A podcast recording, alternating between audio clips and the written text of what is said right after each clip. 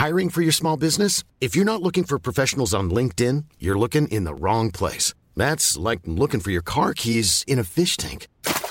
LinkedIn helps you hire professionals you can't find anywhere else, even those who aren't actively searching for a new job but might be open to the perfect role. In a given month, over 70% of LinkedIn users don't even visit other leading job sites. So start looking in the right place. With LinkedIn, you can hire professionals like a professional. Post your free job on linkedin.com slash people today.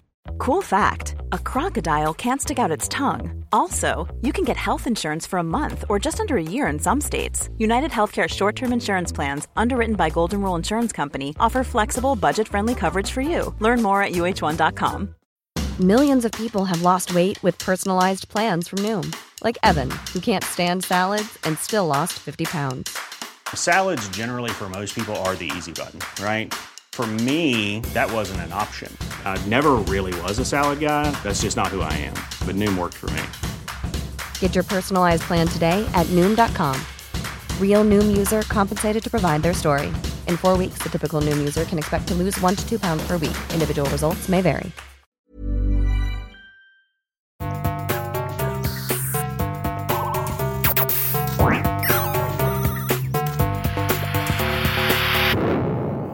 Velkommen til Sinnsyn. Jeg heter Sondre Risom Livre, er psykolog, og dette er Webpsykologens podkast. Hverdagspsykologi for fagfolk og folk flest.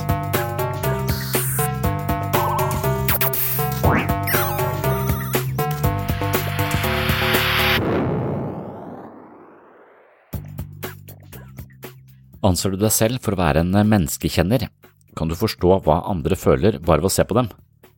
Mye kommuniseres i kroppsspråk men hvor mye av signalene vi sender ut til andre mennesker kan avsløres av øynene våre? Dagens episode skal handle om emosjonell intelligens, sosial intelligens eller det som kalles for mentaliseringsevne.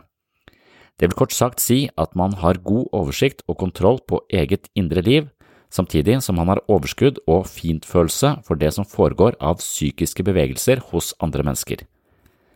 Det er eh, vår evne til å se oss selv utenfra og andre mennesker fra innsiden som eh, konstituerer det man kaller mentaliseringsevne. Mentalisering er en egenskap som vi har mer eller mindre av, og det viser seg at de som har høy mentaliseringsevne, som regel har mindre psykiske plager, bedre relasjoner og generelt sett mer suksess på en rekke områder av livet. Denne egenskapen er også noe vi kan trene opp og dermed er det interessant for alle som engasjerer seg i en eller annen form for egenterapi eller selvutvikling. Kanskje kan man si at mennesker med Aspergers eh, syndrom har noen ekstra utfordringer når det kommer til mentalisering. Da er det en god ting at dette er egenskaper man faktisk kan trene opp. Kanskje har man med Aspergers eh, syndrom ikke det beste utgangspunktet for denne typen øvelser, men derfor er det kanskje tilsvarende viktig at man faktisk engasjerer seg i en viss form for trening på dette mellommenneskelige samspillet og forståelsen for seg selv og andres eh, indre liv. Det finnes eh, mange folk som eh, ikke har verdens beste kroppskontroll, for eksempel, eller motorikk, og de blir kanskje alltid valgt sist i fotballen, men likevel investerer de mye i trening og jobber seg opp på et godt nivå og kanskje da til et nivå hvor de med medfødte motoriske evner og ballkontroll kan komme til uten så mye trening. Det vil si at eh, vi har på ulike områder ulike egenskaper som er mer eller mindre godt trent. Og har du Aspergers syndrom, så kan det være du ikke er så godt trent på akkurat dette med mentaliseringsevne og må investere litt ekstra på det området for å komme opp på et habilt nivå. Men du kan også være født med dårlige motoriske ferdigheter og slite med å komme deg opp i tredjedivisjon i fotball, men det er ikke en umulighet. Det er noe du kan klare ved å trene mye. Og da må du trene mer enn de folka som eventuelt er født med eksemplarisk motorikk og ballfølelse, som eh, kanskje kommer opp i tredjedivisjon nesten uten å trene i det hele tatt. Så her er det selvfølgelig litt urettferdig, men jeg tror at de fleste mennesker er født med noen gode egenskaper og noen områder hvor de må trene litt mer. Så dermed så kan det være at dette regnskapet på sett og vis går ut uh, en form for jevn fordeling eh, når man ser på bredden av alle de ulike talentene et menneske kan eh, besitte. Og Slik er det altså med alle mennesker. Vi har noen områder med naturlig gode ferdigheter, og andre områder vi må trene mye på for å etablere en habil fungering. Her eh, snakker en komiker med Aspergers syndrom om hvordan han lærte seg empati, innlevelse og forståelse for de uskrevne reglene og litt diffuse sosiale kodene som omgir oss i det komplekse samspillet mellom mennesker. Så i og med at dagens episode skal handle om mentaliseringsevne og empati, og dette kanskje er et av de områdene hvor de med Aspergers syndrom eh, må trene litt ekstra for å komme opp på et eh, fungerende nivå, så er det interessant å høre fra en som faktisk har Aspergers syndrom, om hva han tenker om nettopp dette som jeg her kommer til å kalle mentaliseringsevne.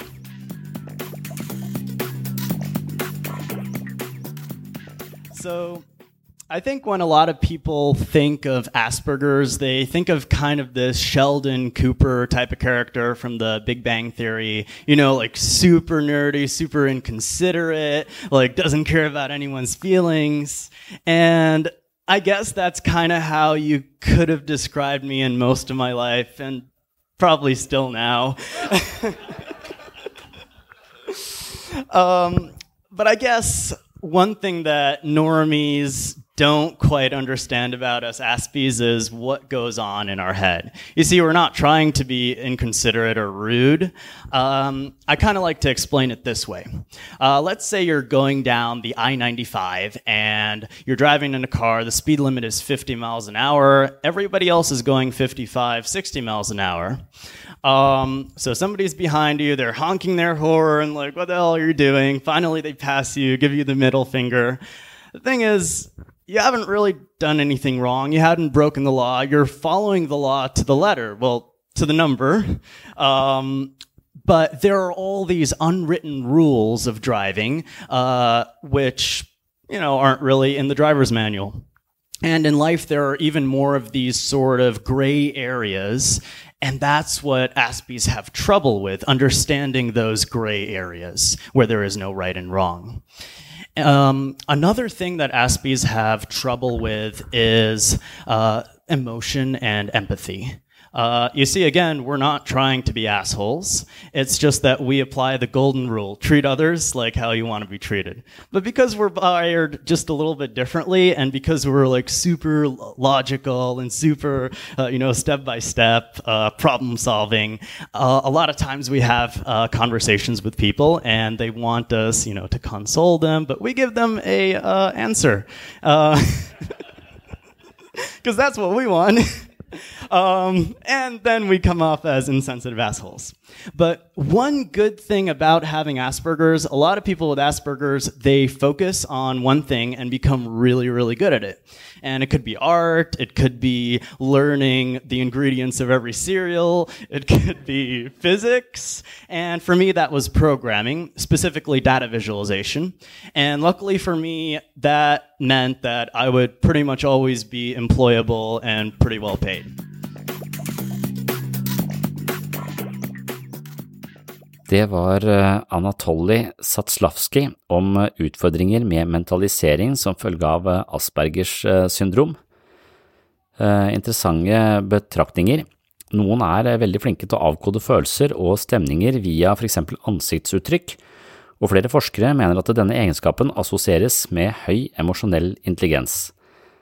Så det å forstå stemninger, det å forstå det mellommenneskelige samspillet og forstå den andres indre liv, det er altså noe som vi kan eh, bli bedre på, og det handler av og til om å kode disse små musklene i ansiktsregionen, som ofte avslører hvilke følelser som ligger eh, bak masken, kan man si. Tittelen på denne episoden er jo eh, Hvor empatisk er du? Og det er jo selvfølgelig litt vanskelig å svare på, og empati er et komplisert fenomen. Man kan jo også ha en type empati som eh, rett og slett eh, blir en slags overtagelse av andres problemer, en slags invaderende form for empati som får oss ofte til å overta livet til andre folk, spesielt hvis vi jobber i hjelpebransjen. Mens eh, den mer sunne formen for empati, den handler om at vi har evnen til å leve oss inn i andres situasjon, men ikke komme så tett på at vi ikke klarer å håndtere hjelperollen på en måte hvor vi ikke fanges av problemene og havner nede i de samme sorte hullet som eventuelt den deprimerte pasienten vi skal hjelpe. Men eh, en av de tingene eh, som man eh, forsøker å måle hos folk, er jo hvor, i hvilken grad de er kapable til å avkode andre menneskers følelser ved hjelp av subtile uttrykk i ansiktet. Og når jeg da har kalt podkasten Hvor eh, empatisk er du?, så er det fordi at det er en test på webpsykologen.no som heter Øynene som ser. I denne testen så vil du bli utsatt for en hel haug av eh, ansiktsuttrykk, og spesielt da bare egentlig Du får bare se øynene til folk, og så blir det din oppgave å avgjøre hva denne personen føler. Er personen henrykt? Er personen lei seg? Er personen overraska? Forbanna? Og de som uh, scorer høyt her, det er også mennesker som i hvert fall har en av de fasettene som tilhører uh, en uh, høy form for empati, eller en gode empatiske evner, kan man si. Men som sagt, empati er komplisert, det er mange faktorer i dette fenomenet som kalles empati, men en av de er altså om vi klarer å forstå andres indre liv. Og en måte å teste på er om vi faktisk kjenner igjen eh, følelsene som ligger bak et eh, trist blikk, eller om eh, vi ikke er så oppmerksomme på hva som foregår bak eh, fasaden hos eh, andre mennesker. Så hvis du er interessert i hvor empatisk er du, og det kommer til denne ene fasetten med å kjenne igjen følelser i ansiktet, så er det altså en test på webpsykolog.no i sidebar som heter Øynene som ser, og da kan du sjekke ut hvordan du ligger an. Psykologiprofessor Paul Ekman er en av verdens ledende forskere på følelser. Ekman er spesielt opptatt av hvordan våre følelsesmessige reaksjoner synes i nettopp ansiktet. Når folk bevisst prøver å skjule sine følelser, eller ubevisst undertrykker sine følelser, vil det oppstå et ansiktsuttrykk som avslører følelsen i et veldig kort øyeblikk og dette øyeblikket er så kort at det er ned på en femtendedels eller en tjuefemtedels av et sekund, altså et, et bitte lite mikrosekund, så vil den opprinnelige følelsen synes i ansiktet, og så er den borte. Hvis man enten bevisst går inn for å for å på en måte skjule følelsen, eller hvis man rett og slett har et slags psykisk forsvar som undertrykker de følelsene som vi ikke makter å ta inn over oss, så vil de likevel synes i ansiktet. Og det er da denne observante, medmenneskelige, empatiske personen ofte plukker opp disse små eh, signalene hos andre mennesker. Men eh, dette er jo selvfølgelig helt uh, usynlig, og spesielt usynlig for de fleste av oss, men altså tilgjengelig for den som er uhyre oppmerksom. Noen mennesker er spesielt gode til å oppfatte disse mikrouttrykkene som avslører det emosjonelle klimaet i en situasjon. De kan ikke alltid begrunne sine fornemmelser på en rasjonell måte, men har likevel lagt merke til en følelse og en stemning på et eh, subtilt nivå, og de kaller det gjerne for magefølelse. De har altså oppfatta situasjonen på en ganske korrekt måte uten å koble inn analyse og refleksjon, men eh, uten at de selv er klar over hva de har oppfatta, så har de likevel oppfatta disse mikrouttrykkene hos den andre, noe som gjør at de er ganske sensitive og fintfølende i forhold til en relasjon, og de forstår ofte hva som er på spill, uten at de nettopp kan redegjøre for hvordan de forstår det, de har bare en slags følelse for stemningen eh, som, eh, som, er i, eh, i situasjonen. Når det dreier seg om eh, mellommenneskelige situasjoner, viser det seg at de med høy emosjonell intelligens stort sett kan stole på sin magefølelse. Ekman har testa tusenvis av mennesker, og han vet at de som er gode til å gjenkjenne disse subtile følelsene i ansiktene til andre mennesker, er mer åpne for nye opplevelser, mer interesserte i omverdenen, tryggere på seg selv og mer nysgjerrige. Og sannsynligvis så dreier dette seg om at de menneskene som går rundt er usikre på seg sjøl, har såpass mye energi bundet opp i frykt og panikksystemer og skal vi si alarmberedskap, at den delen av hjernen som eh, får med seg det som foregår rundt oss, altså det som er mer nysgjerrige og oppmerksomme, det er det ikke mer eh, mental eh, kapasitet til, fordi man går rundt og er litt utrygg og lurer på liker de meg, liker de meg ikke, er jeg god nok, synes de er dum? Altså hver gang vi bruker masse energi på den typen eh, tankevirksomhet og usikkerhet, så har vi ikke den delen av hjernen som er kobla på interesse og oppmerksomhet eh, like parat tilgjengelig, og derfor er det ikke sikkert vi får med oss disse små mikrouttrykkene hos andre mennesker. Så det gir mening at det er de som er trygge på seg selv, de som hviler i seg selv og er genuint interessert i andre mennesker, ikke på om de andre menneskene synes at jeg er god nok, men rett og slett genuint interessert i den andre og de vil altså da være forholdsvis trygge på seg selv, og da også få med seg mer av det som foregår i relasjonen. For disse kan magefølelsen være et nyttig navigasjonsverktøy. Deres innarbeidede kategorier som styrer automatiske reaksjoner, er på sett og vis romsligere og mindre behefta med stereotyp kategorisering og fordommer. Når vi er litt mer belasta, litt mer usikre, så må vi tolke situasjoner litt mer på autopilot, og vi har da en tendens til å putte nye mennesker inn i allerede eh, ferdigstilte kategorier og forestillinger vi har i oss selv. Altså vi har noen bokser for den typen folk, vi har noen bokser for den typen folk, og så putter vi de oppi der, selv om de egentlig ikke passer.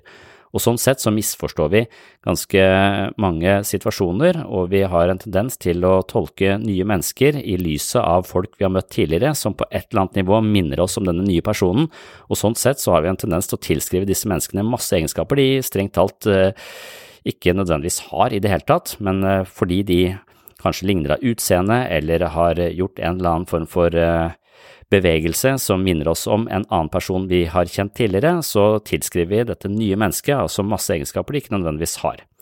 Så det betyr at eh, vi rett og slett tolker nye situasjoner i lyset av fortiden, det gjør jo alle mennesker, men hvis vi er ganske empatiske, hvis vi er ganske eh, romslige, hvis vi har på en måte en slags mental balanse i oss selv, er trygge på oss selv, så har vi mer tid og mer overskudd til å faktisk se nye situasjoner som nye situasjoner, og vi er da mer åpne og oppmerksomme på at uh, denne situasjonen er uh, en ny situasjon. Jeg skal ikke hoppe til konklusjoner før jeg har uh, undersøkt litt mer av hva som foregår her. Så nysgjerrig og åpne mennesker. Så disse folka her er altså gjennomgående ganske trygge på seg selv, og det betyr at de fortolkningene de gjør av seg selv og verden rundt seg, ikke er forkludra av eh, frykt. Det er eh, slike egenskaper man ofte sikter til når man snakker om en mindful person. Men hvem er egentlig disse menneskene?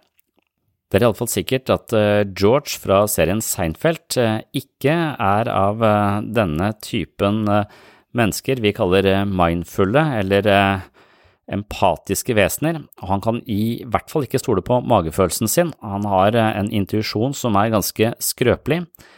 Faktisk har han en så dårlig intuisjon at det fører til feil valg i nesten alle situasjoner. Da George oppdaget eh, dette, bestemte han seg for å gjøre det motsatte av alt det som faller ham naturlig. På den måten hacker han seg selv, og det viser seg å fungere. Litt på samme måte må vi gjøre dersom vi har noen underliggende negative mønstre som styrer måten vi tenker, føler og handler på.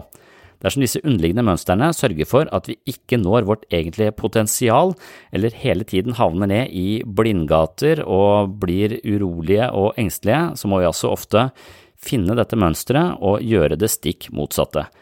Hvis vi har en slags eh, intuisjon som er basert på frykt og usikkerhet, og som hele tiden lodder farer og utrygghet i situasjoner som egentlig ikke er farlige, fordi vi har erfaringer fra oppvekst og barndom som tilsier at denne typen mennesker kan være farlige, de kan være ute til å ta deg, de kan være ute til å mobbe deg, så vær på vakt hele tiden.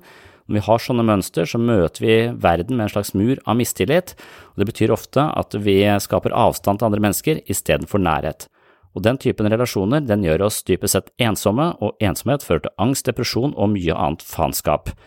Så når vi er behefta med underliggende mønster som eh, på en måte løper fryktens tjeneste, så må vi forstå disse mønstrene, og så må vi gjøre en aktiv innsats for å endre de. Og når vi har sånne mønstre, så kan vi jo heller ikke stole på magefølelsen vår, for magefølelsen vår er da diktert av eh, disse vonde erfaringene fra tidligere livet som nå ligger utenfor vår hukommelse eller bevissthet, men likevel styrer alle de innskytelsene og følelsene vi har i ulike situasjoner. Og da er det i hvert fall eh, viktig at du ikke tror på tankene og følelsene dine. Alt du tenker og føler er feil, har jo vært mitt eh, mantra, men det er jo fordi at vi ofte tolker nye situasjoner i lyset av gamle erfaringer, og hvis vi da tolker det i lyset av gamle, dårlige erfaringer, så blir også nye situasjoner ofte forkrøpla av gammelt eh, grums, og det er vi ikke tjent med. Nå skal du få høre litt fra George Costanza når han oppdager at han eh, hele tiden, hele livet sitt, har lyttet til magefølelsen og sin egen intuisjon, og derfor tatt eh, feil valg i omtrent alle situasjoner.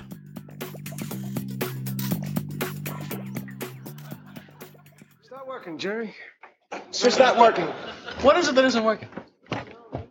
Why did it all turn out like this for me? I had so much promise. I was personable. I was bright. Oh, Maybe not academically speaking, but I was perceptive. I always know when someone's uncomfortable at a party. Got knocking over there? It all became very clear to me sitting out there today that every decision I've ever made in my entire life has been wrong. My life is the complete opposite of everything I want it to be. Every instinct I have in every aspect of life, be it something to wear, something to eat, it's been wrong. Everyone. Tuna on toast, coleslaw, cup of coffee. Yeah. No, no, no, wait a minute. I always have tuna on toast. Nothing's ever worked out for me with tuna on toast. I want the complete opposite of tuna on toast. Chicken salad on rye, untoasted, with a side of potato salad, and a cup of tea. Well, there's no telling what can happen from this. You know, chicken salad's not the opposite of tuna. Salmon's the opposite of tuna, because salmon swim against the current, and the tuna swim with it. Good for the tuna. Uh, George, you know that woman just looked at you. So what? What am I supposed to do? Go talk to her. Elaine, bald men with no jobs and no money who live with their parents don't approach strange women. Well, here's your chance to try the opposite. Instead of tuna salad and being intimidated by women, chicken salad and going right up to them. Yeah, I should do the opposite. I should. If every instinct you have is wrong, then the opposite would have to be right. Yes. I will do the opposite. I used to sit here and do nothing and regret it for the rest of the day. So now I will do the opposite and I will do something.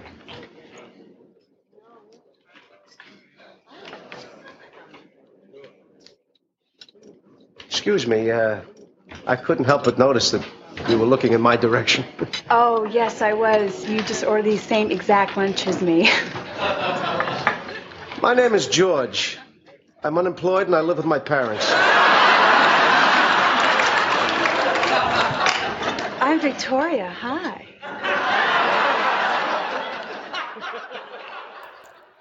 George Costanza har altså ikke en pålitelig magefølelse, men noen mennesker har det, og da er spørsmålet hva som kjennetegner dem. Ekmans studier har vist at mennesker som har lang erfaring med meditasjon, er mye bedre enn andre til å lese de følelsesmessige aspektene ved en situasjon. De som mediterer, har gjerne kultivert sitt eget følelsesliv gjennom meditasjonsøvelser og har opparbeidet seg en god indre balanse. Med god kjennskap til egne følelser har de også gode forutsetninger for empatisk innlevelse i andre. Ekman sine studier viser at de med lang meditasjonserfaring scorer mye høyere enn politifolk, advokater, psykiatere, tollere, dommere og Secret Service-agenter når det gjelder å gjenkjenne følelser i ansiktet. Og disse yrkesgruppene de lever jo av å lese andres uh, følelser i ansiktet, og så en toller han står jo bare og kikker på folks ansiktsuttrykk og ser om de ser uh, skyldige ut, for så å kalle de inn og avsløre hvor mye sprit de har med seg over uh, kvota. Men selv om disse folka her jobber med å forstå andres menneskers indre liv, så er de altså atskillig dårligere enn de menneskene som kanskje har sittet i et kloster og meditert i noen tusen timer.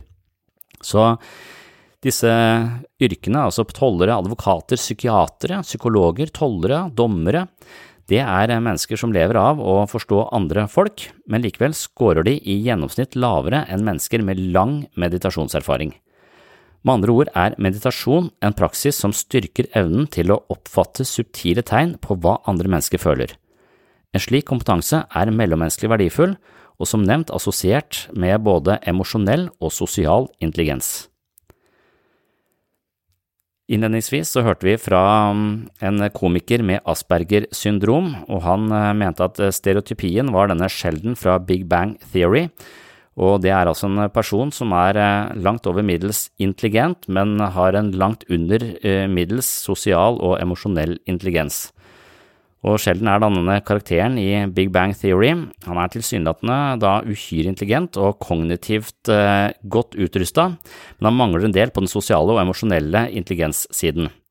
Og det er nettopp denne kombinasjonen av smart og sosialt uintelligent som gjør figuren humoristisk, og det er også derfor vi assosierer den med Asperger syndrom, noe som på sett og vis er en litt platt og overfladisk forståelse av de med Asperger, men det har jeg tenkt å komme tilbake til på et senere tidspunkt eller en senere episode.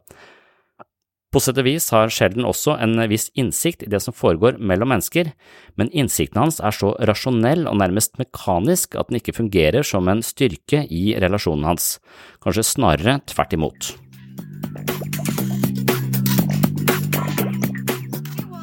For that, but I got you and Leonard a few silly neighbor gifts, so I'll just put them under my tree. Wait! You bought me a present? Why would you do such a thing? I don't know, because it's Christmas? Oh, Penny! I know you think you're being generous, but the foundation of gift giving is reciprocity. Like, You haven't given me a gift. You've given me an obligation. Okay, you know what? Forget it. I'm not giving you a present. No, he's too late. I see it. That elf sticker says to Sheldon. the, the die has been cast. The moving finger has writ. Hannibal has crossed the Alps.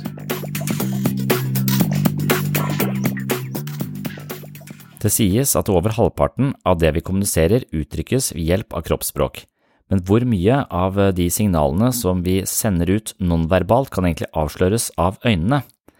På den testen du finner i sidebar på webpsykologen, som jeg har kalt Hvor empatisk er du?, så kan du også sjekke ut hvor høy score du får på det med å lese andres indre liv via øynene deres og den testen den baserer seg på forskningsrapporten Reading of the Mind in the Eyes av professor Simone Baron Cohen fra University of Cambridge i England.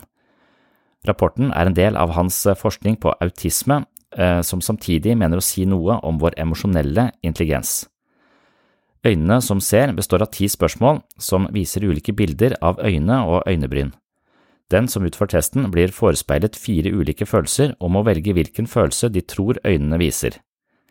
I utviklingen av denne testen har de latt 2000 personer utføre testen for å kunne avlese hvilke følelser som formidles kun ved å titte på andres øyne. I gjennomsnitt hadde testens deltakere 4,9 riktige svar av ti mulige.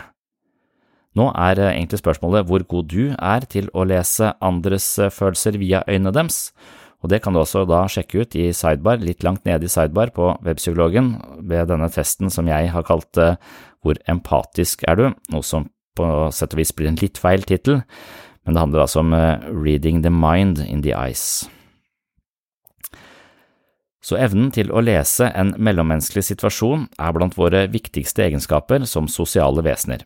Evnen til å leve seg inn i andre og forstå det, ofte på bakgrunn av en følelse av fellesmenneskelighet, er uhyre verdifullt. Da er det interessant at eh, tester som eh, denne her kan måle en del av disse egenskapene, og dataene som kommer inn kan fortelle oss noe om generelle tendenser. Foreløpig kan man si følgende om denne testen på et sånn gruppenivå. Og Hvis du er interessert i hva den testen er, så bør du kanskje ta en pause og så sjekke ut testen før du eventuelt går videre, for nå skal jeg si litt om hva denne testen sier i forhold til eh, hvordan menn og kvinner svarer, osv. If you're looking for plump lips that last, you need to know about Juvederm lip fillers. With Juvederm Volbella XC and Juvederm Ultra XC, your lip look, whether it's subtle or bold, can last up to one full year with optimal treatment and no additional maintenance. Find a licensed specialist and see if it's right for you at juvederm.com today. That's J U V E D E R M.com. Add fullness to lips in adults over 21 with Juvederm Volbella XC or Juvederm Ultra XC. Do not use if you have severe allergies or a history of severe allergic reactions, or if you're allergic to lidocaine or the proteins used in Juvederm. Tell your doctor if you have a history of scarring or taking medicines that decrease the body's immune response or that can prolong bleeding. Common side effects include injection site redness, swelling, pain, tenderness, firmness, lumps, bumps, bruising, discoloration, or itching. As with all fillers, there's a rare risk of unintentional injection into a blood vessel, which can cause vision abnormalities, blindness, stroke, temporary scabs, or scarring. For full important safety information, visit juvederm.com. Ready to pop the question? The jewelers at BlueNile.com have got sparkle down to a science with beautiful lab grown diamonds worthy of your most brilliant moments. Their lab grown diamonds are independently graded and guaranteed identical to natural diamonds, and they're ready to ship to your door. Go to Bluenile.com and use promo code LISTEN to get $50 off your purchase of $500 or more. That's code LISTEN at Bluenile.com for $50 off. Bluenile.com code LISTEN. Planning for your next trip? Elevate your travel style with Quince. Quince has all the jet setting essentials you'll want for your next getaway, like European linen, premium luggage options, buttery soft Italian leather bags, and so much more. And is all priced at 50 to 80% less than similar brands. Plus, Quince only works with factories that use safe and ethical manufacturing practices. Pack your bags with high-quality essentials you'll be wearing for vacations to come with Quince. Go to quince.com/pack for free shipping and 365-day returns. Og det viser seg at kvinner er bedre på å lese følelser enn menn. Kvinner anses ofte å være bedre på å lese følelser også, det er jo noe vi kanskje umiddelbart ville anta, og denne undersøkelsen den viser at 50% av kvinner som deltok, hevdet at de var bedre på å lese følelser enn venner og familie. Kun 44% av menn sa de var bedre til å lese følelser enn venner og familie. Og dette er altså fra den rapporten som danner utgangspunkt for denne testen Reading the Mind in the Eyes. Kvinner hadde et gjennomsnitt på fem riktige svar, mens menn hadde 4,8 riktige svar. 64% av kvinnene som deltok i undersøkelsen hadde fem eller flere riktige svar, mens tilsvarende resultater kun omfattet 56% av mennene som deltok. Og så er det da ulike følelser, og det viser seg at noen følelser er lettere å avkode enn andre følelser. Sjokkert er for eksempel den følelsen som er lettest å identifisere, der hele 74% hadde riktig svar. Andre følelser som mange lett observerte, var redd, bedende, kjedsomhet og interessert. Sympati viste seg derimot å være den følelsen som er vanskeligst å identifisere. Kun 15,8% avga riktig svar når de fikk se et sympatisk blikk. Så når andre mennesker er sympatisk innstilt til oss, så er det også ganske vanskelig å oppdage. Skyldig er heller ikke så lett, der var det 33,1% som svarte riktig, og fiendtlighet var det 40,3% som svarte riktig, så disse følelsene viste seg også å være ganske vanskelig å identifisere. Så det vil si at vi er også flinke på å identifisere noen følelser i ansiktet, mens andre følelser er litt mindre tilgjengelige for oss. Og så viser det seg også at kvinner og menn de klarer å identifisere litt ulike følelser. Så i denne undersøkelsen, disse 2000 forsøkspersonene i eh, studien til eh, Simon Baron Cohen, som videre dannet utgangspunkt for denne testen som nå er plassert på webpsykologen, der eh, finner han at menn og kvinner er relativt gode til å lese ulike følelser. Menn er bedre på å identifisere lyst, interesse og fiendtlighet. Kvinner er bedre på å se om noen befinner seg i en sårbar posisjon, slik som sjokkert, redd og bedende. Et annet interessant spørsmål er jo om man blir bedre med alderen til å lese andres følelser. Så blir man rett og slett mer mellommenneskelig kompetent etter hvert som man eh, blir eldre. Og det er ikke sånn at man alltid blir bedre med alderen, men til en viss grad så er det kanskje sånn. Selv om man potensielt sett eh, kjenner flere mennesker på sine eldre dager, er det ikke så mye som tyder på at dette gjør folk til bedre menneskekjennere. Voksne i alderen 45 til 54 hadde i gjennomsnitt 5,1 riktige svar, mens den beste aldersgruppen var 55 til 64 år med 5,2 riktige svar i gjennomsnitt. I aldersgruppen 65 pluss ligger gjennomsnittet på 4,8 riktige svar. I denne gruppen var det likevel best på å identifisere følelsen av skam. Så eldre mennesker er altså gode på å identifisere følelsen av skam, noe som kanskje sier noe om eh, den tiden de vokste opp i, kontra den tiden de litt eh, yngre menneskene har vokst opp i. Det vet man ikke, men det kan man jo lage seg noen hypoteser om. Empati og innlevelse i andre er en egenskap man sannsynligvis kan trene opp, som nevnt tidligere er det i utgangspunktet viktig at man er godt kjent med sin egen psykologiske dybde. I bøkene jeg har skrevet om psykologi og selvutvikling, er mindfulness et gjennomgående tema. Mens mindfulness er en øvelse hvor man tilstreber å hvile som en observatør til sitt eget sinn, er psykoterapi en mer aktiv analyse av det samme sinnet. Man kan si at meditasjon er observerende, ikke-dømmende og ikke-intellektuelt betinga, mens psykoterapeutisk selvinnsikt er analyserende og fortolkende. Begge deler handler om å observere sitt indre liv, og dermed trener man opp en slags introspektiv oppmerksomhet. Når man er godt kjent med sitt eget indre liv, både ved hjelp av psykologisk selvinnsikt og meditative teknikker, har man ofte opparbeidet seg mer emosjonell kompetanse som man kan dra veksel på i møte med andre. Det viser seg at de som er gode til å se seg selv, ofte er tilsvarende gode til å se andre. Vi kaller det gjerne for empati. I mine bøker kan du lære mer om hvordan man trener mentale muskler, og hvorfor denne typen selvutvikling påvirker både selvfølelsen, vår indre ro, fleksibilitet i relasjonen til andre, og ikke minst empati, som også er en forutsetning for å opprettholde gode relasjoner til andre mennesker. Hvis du foretrekker lydbøker, kan du etablere et abonnement på min Patrion-side, eller det jeg kaller mitt mentale treningsstudio. Her publiserer jeg som kjent mine egne bøker i lydbokversjon, hver måned leser jeg et nytt kapittel og avslutter med en øvelse som utfordrer deg til å sette tankene, ideene og teoriene ut i praksis. Patron.com forslash sinnssyn er en plattform hvor du som finner verdi her på podkasten kan støtte prosjektet. For at jeg skal kunne drifte denne podkasten, er jeg etter hvert avhengig av en viss støtte, og heldigvis har jeg nå god støtte fra supportere av sinnssyn. Som medlem på Patron hjelper du meg å holde hjula i gang her på sinnssyn og Webpsykologen, og som takk for støtten får du masse ekstramateriale fra sinnssyn. Jeg lager eksklusive episoder for supportere, og mange av episodene inneholder små mentale treningsøkter. I tillegg poster jeg videomateriell, lydbokversjonen av bøkene mine og mye mer. Er du en person som finner verdi her på sinnssyn, er litt over middels interessert i psykologi, filosofi og selvutvikling, ønsker å støtte dette prosjektet med et selvvalgt beløp i måneden, det trenger ikke være så mye, så alle monner drar, og vil ha tilgang til mer synsyn hver måned, så er kanskje Patron stedet for deg. Allerede nå ligger det mellom 60 og 100 unike poster og episoder du kan åpne med et abonnement. Så snart du etablerer et abonnement på Det mentale treningsstudio, får du tilgang til alt av materialet som kommer og alt som er posta tidligere, altså hele Patron-biblioteket tilhørende det abonnementet du velger. Tusen hjertelig takk til alle dere som allerede støtter sinnssyn på Patron.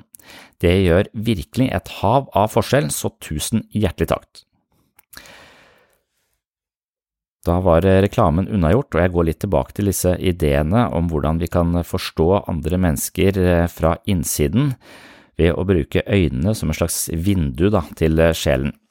Og det er jo via vårt psykiske liv at vi fortolker og fabrikkerer alle våre opplevelser av oss selv og livet. Veldig mye av det som i bunn og grunn styrer våre opplevelser, foregår ubevisst, og dette er virkelig et tema som gjennomsyrer episodene på sinnssyn, men også psykologisk teori for øvrig. Utdaterte tenkemåter, snevre ideologier, rigide prinsipper, gamle vaner og fortidens erfaringer er bare noen få faktorer som er med på å farge alt vi opplever. Når vårt eget indre liv er behefta med masse sånne skal vi si, eh, forstyrrende elementer som farger nye opplevelser, så vil vi da i liten grad være i stand til å plukke opp den egentlige følelsen hos andre mennesker, og vi blir sånn mellommenneskelig litt mindre kompetent enn det vi egentlig kunne vært hvis vi hadde hatt litt mer balanse eh, i oss selv. Så det er nok derfor denne selvutviklingen som handler om å finne ro og balanse i seg selv, som høres veldig sånn ego ut, egentlig handler om å skape en sånn balanse at vi rett og slett har overskudd til å nettopp plukke opp disse subtile tingene som foregår i relasjonen, og kanskje ha en større evne til innlevelse i andre mennesker enn det vi har når vi har nok med oss sjøl, på sett og vis. da. Så i mine to bøker om psykologi er dette altså hovedtema, jeg mener at vi bør være uhyre interessert i hvordan vi bruker vårt eget hode, nettopp fordi det er utgangspunktet for alt annet. Jeg hevder også at ulike psykologiske skoler har eh, viktige ting å fortelle oss om vårt eh, indre liv, og derfor har jeg forsøkt å oppsummere denne innsikten i de to bøkene som jeg har kalt for Selvfølelsens psykologi og Jeg, meg selv og selvbildet, og de vil eh, som sagt etter hvert ligge som lydbokversjoner på patron.com for slags sinnssyn. Mitt utgangspunkt som psykologspesialist er kanskje litt annerledes enn utgangspunktet man finner hos den typiske spesialisten. Jeg ser egentlig på meg selv som en teoretisk pasifist. Jeg er lite opptatt av diagnoser, og jeg tror ikke at den ene formen for samtaleterapi er suveren eller overlegen alle andre. Jeg tror at ulike typer av samtaleterapi spiller på de samme prinsippene, og derfor tror jeg ikke at terapeutens teoretiske forankring er så avgjørende for utfallet av psykoterapeutiske prosesser.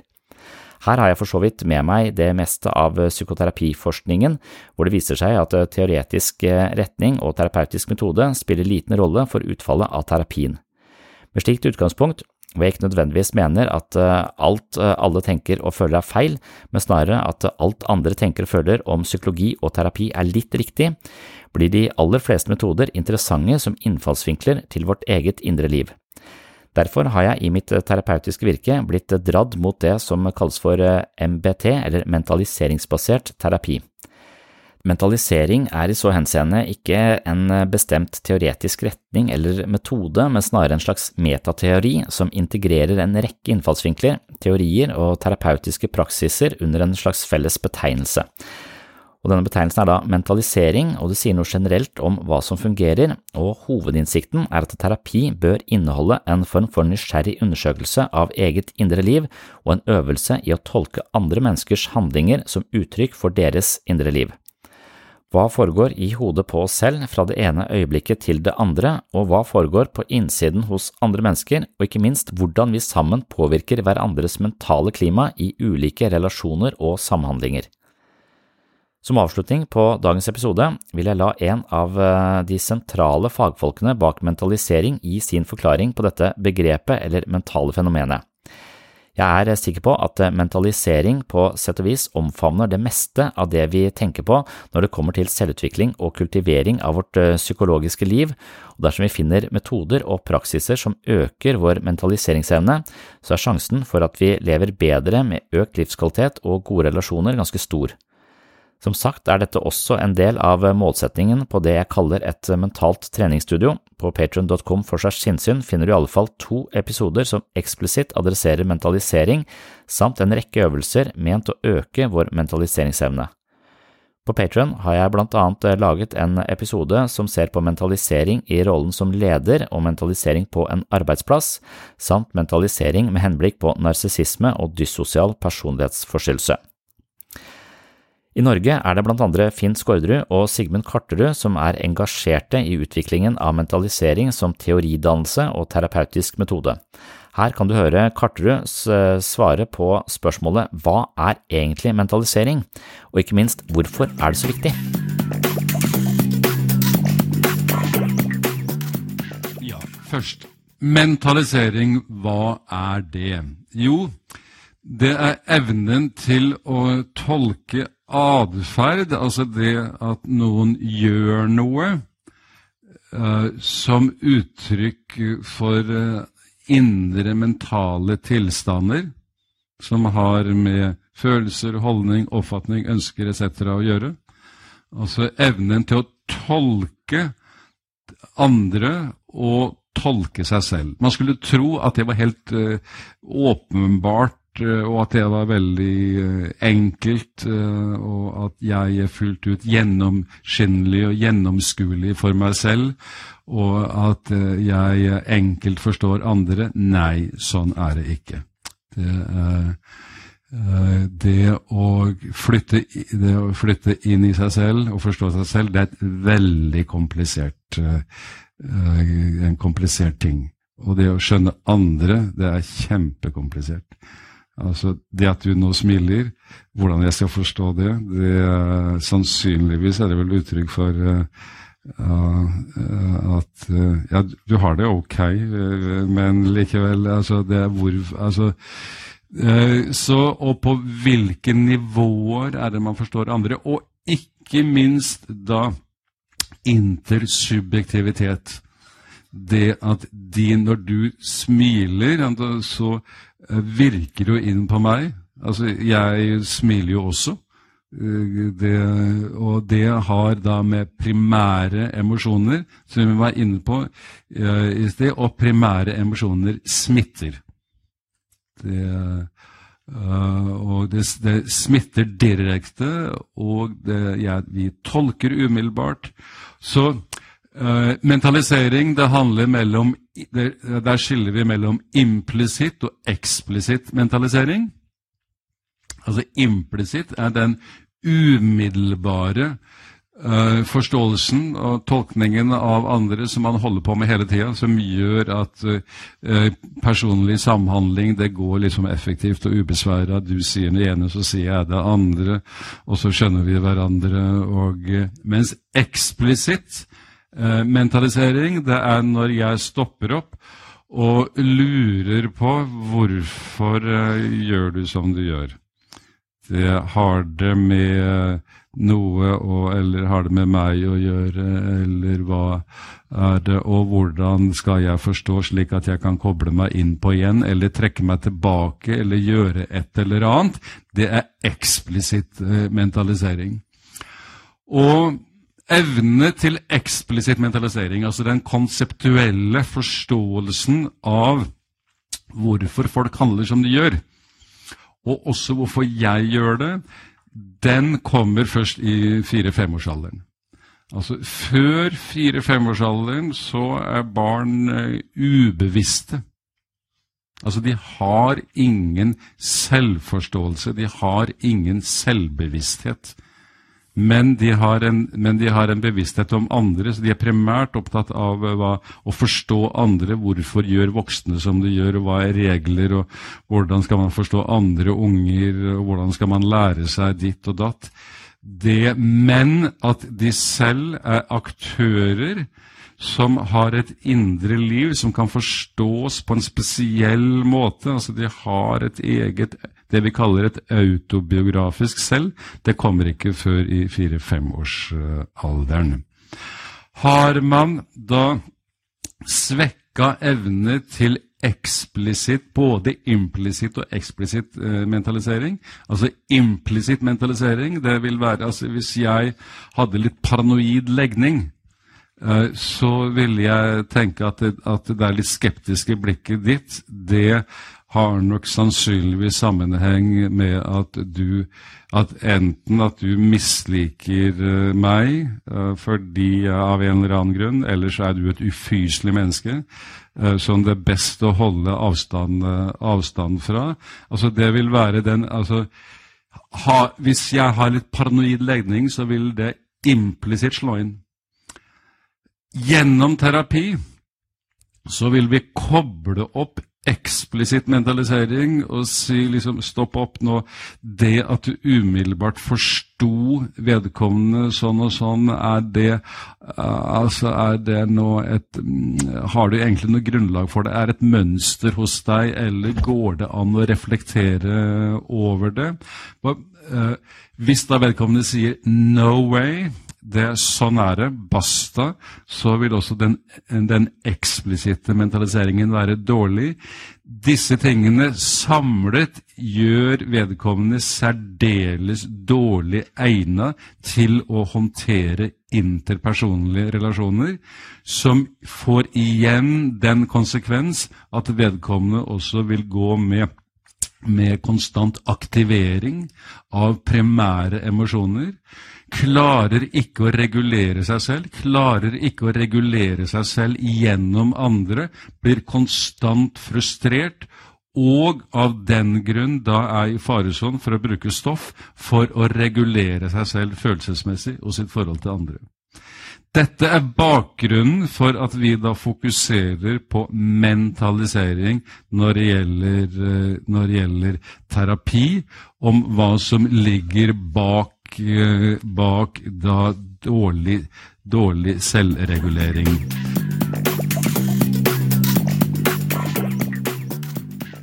Det var eh, Sigmund eh, Karterud om mentalisering, og poenget i dagens episode har jo vært å snakke litt om dette mentaliseringsbegrepet, og kanskje litt om empati, som også har mange fasetter ved seg, men en av de fasettene er jo da evnen til å leve seg inn i andre menneskers følelsesliv. Og for at vi skal eh, kunne klare å leve oss inn i andre mennesker, så må vi ha en viss oversikt over oss sjøl. Hvis vi selv er eh, overrumpla av ulike innfall, impulser og følelser uten å ha noe spesielt god oversikt over vårt eget indre liv, så vil det være et ganske dårlig utgangspunkt for å klare å forstå andre mennesker fra innsiden. Jo mer eh, negative livsmønster vi selv er påvirket av, jo flere følelser vi ikke makter å håndtere og må holde på avstand ved hjelp av psykiske forsvarsmekanismer osv., osv., jo mer av den typen uro som befinner seg i vårt eget indre liv, jo mer energi bruker vi på å holde det i sjakk, og jo mindre kapasitet har vi til å forstå andre fra innsiden. Derfor så handler det veldig mye om å finne en slags balanse og forståelse for seg selv, for i neste omgang å kunne ha overskuddet og altså evne til å leve seg inn i andre mennesker. Og dette er jo spesielt viktig da, tenker jeg, som forelder, for jeg bør ha en viss eh, ro på innsiden i møte med mine barn, for det er spesielt viktig at jeg har ganske god evne til å klare å speile hva som foregår på innsiden av eh, mine barn, sånn at de kan lære å kjenne seg selv via mitt ansikt, og det er det som kalles speiling, og noe som vi har brukt eh, en del episoder her på Sinnssyn å snakke om eh, tidligere. Så mentalisering er et uh, uhyre viktig begrep, det er en viktig egenskap. Jeg kaller det av og til mindsight. Det har jeg fra Daniel Siegel. Det er et begrep i samme sjanger. Emosjonell intelligens ligger også i samme, skal vi si, samme familie. Og mindsight, direkte oversatt, blir jo sinnssyn, og det er det denne podkasten heter, så da er det jo nok en begrunnelse for at den heter nettopp, eh, nettopp det. Vi innledet også med denne standup-komikeren som eh, hadde Asperger syndrom.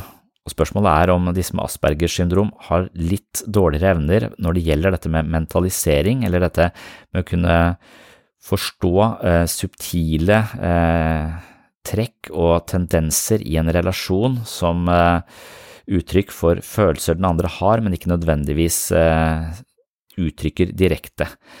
Og Da må man uh, gjennom en ganske avansert fortolkningsprosess, og det er de som er gode på denne fortolkningsprosessen, som ofte er mellommenneskelig fleksible og har da ofte en høy mentaliseringsevne.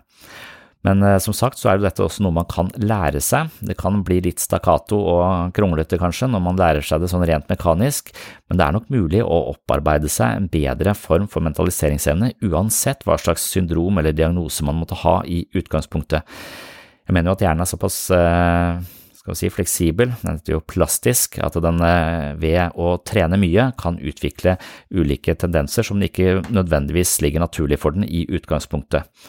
Og Det er et interessant spørsmål, spesielt i forhold til dette med Asperger syndrom, fordi at eh, jeg har fått flere henvendelser fra dere som hører på sinnssyn eh, med spørsmål om jeg kan lage en episode om Aspergers syndrom, for det er mange som er opptatt av det nå for tida.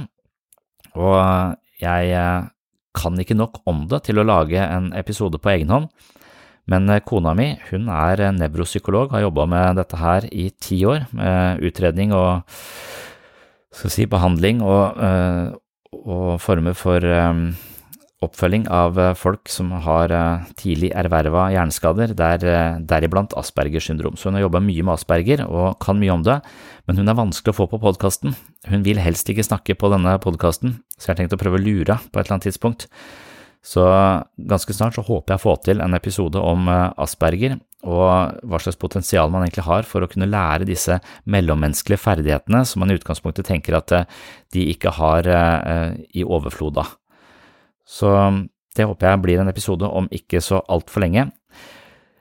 Nå vil jeg bare avslutte denne episoden med å høre med denne standup-komikeren eh, med Asperger, for han har eh, nemlig utviklet en teknikk hvor han lærte seg disse mellommenneskelige kodene, og på den måten så fungerer han langt bedre enn han gjorde tidligere, ifølge ham selv.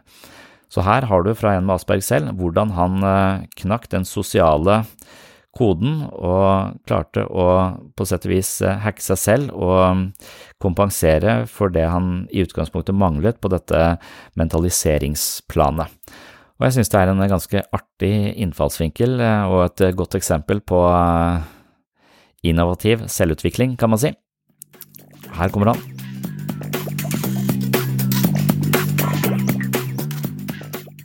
However, I would always be put in this category that I'm a resource, that I'm a liability, even, that I'm in this box as that guy who's really good at programming, and well, that's about it.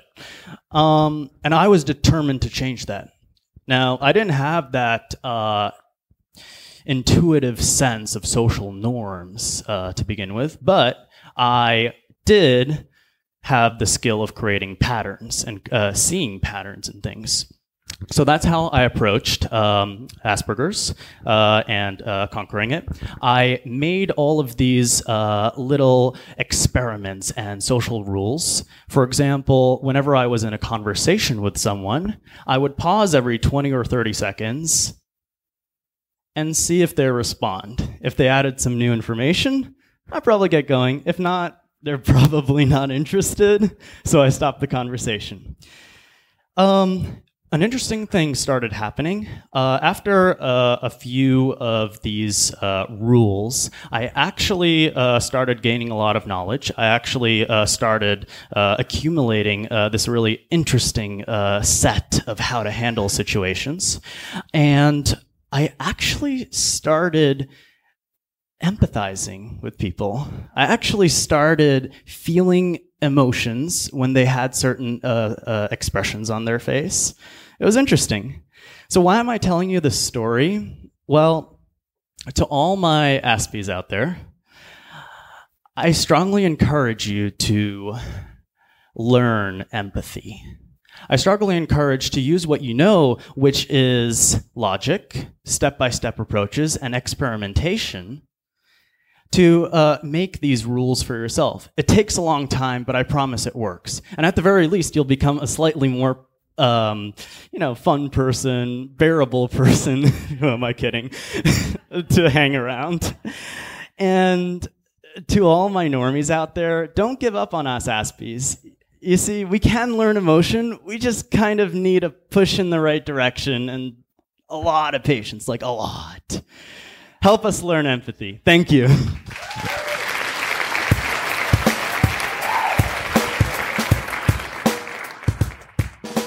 Tusen takk for at du hørte på Sinnsyn. Takk til alle som har eh, støtta podkasten på Patron og gitt podkasten tilbakemeldinger i ulike sosiale kanaler, og spesielt takk til dere som har rata podkasten i iTunes. Det betyr ganske mye for å bli sett og hørt. Det var det jeg hadde for denne gang. Som sagt så håper jeg kommer tilbake med en episode om asperger om ikke så altfor lenge, hvis jeg klarer å lure kona mi til å bli med på en sånn samtale. Det kan bli litt vanskelig, kan være jeg må rett og slett ikke nevne at det er en opptaker i rommet, men bare sånn eh, helt uh, upåfallende stille henne noen spørsmål om uh, utredning, forståelse av uh, Asperger syndrom. Jeg tror det kan bli interessant. Jeg får se hva jeg får til. Inntil det så kommer det helt sikkert eh, nye episoder på eh, rekke og rad her sånn. Kanskje kommer eh, Asperger-episoden allerede neste gang, hvis jeg klarer å få, få lurt av. Det er ikke så sikkert, det er ikke så lettlurt, for å si det sånn, men jeg skal prøve. Det var det for denne gang. Takk for følget, og på gjenhør i neste episode.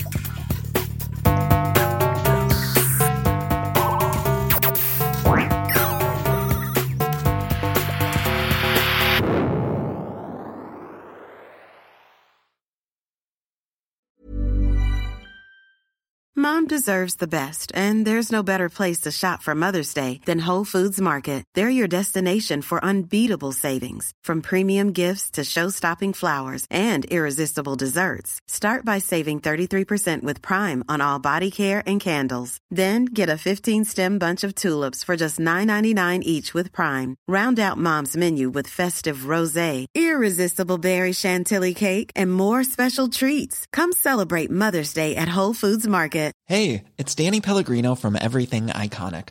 Ready to upgrade your style game without blowing your budget? Check out Quince. They've got all the good stuff shirts and polos, activewear, and fine leather goods, all at 50 to 80% less than other high end brands. And the best part? They're all about safe, ethical, and responsible manufacturing. Get that luxury vibe without the luxury price tag. Hit up quince.com slash upgrade for free shipping and 365 day returns on your next order. That's quince.com slash upgrade.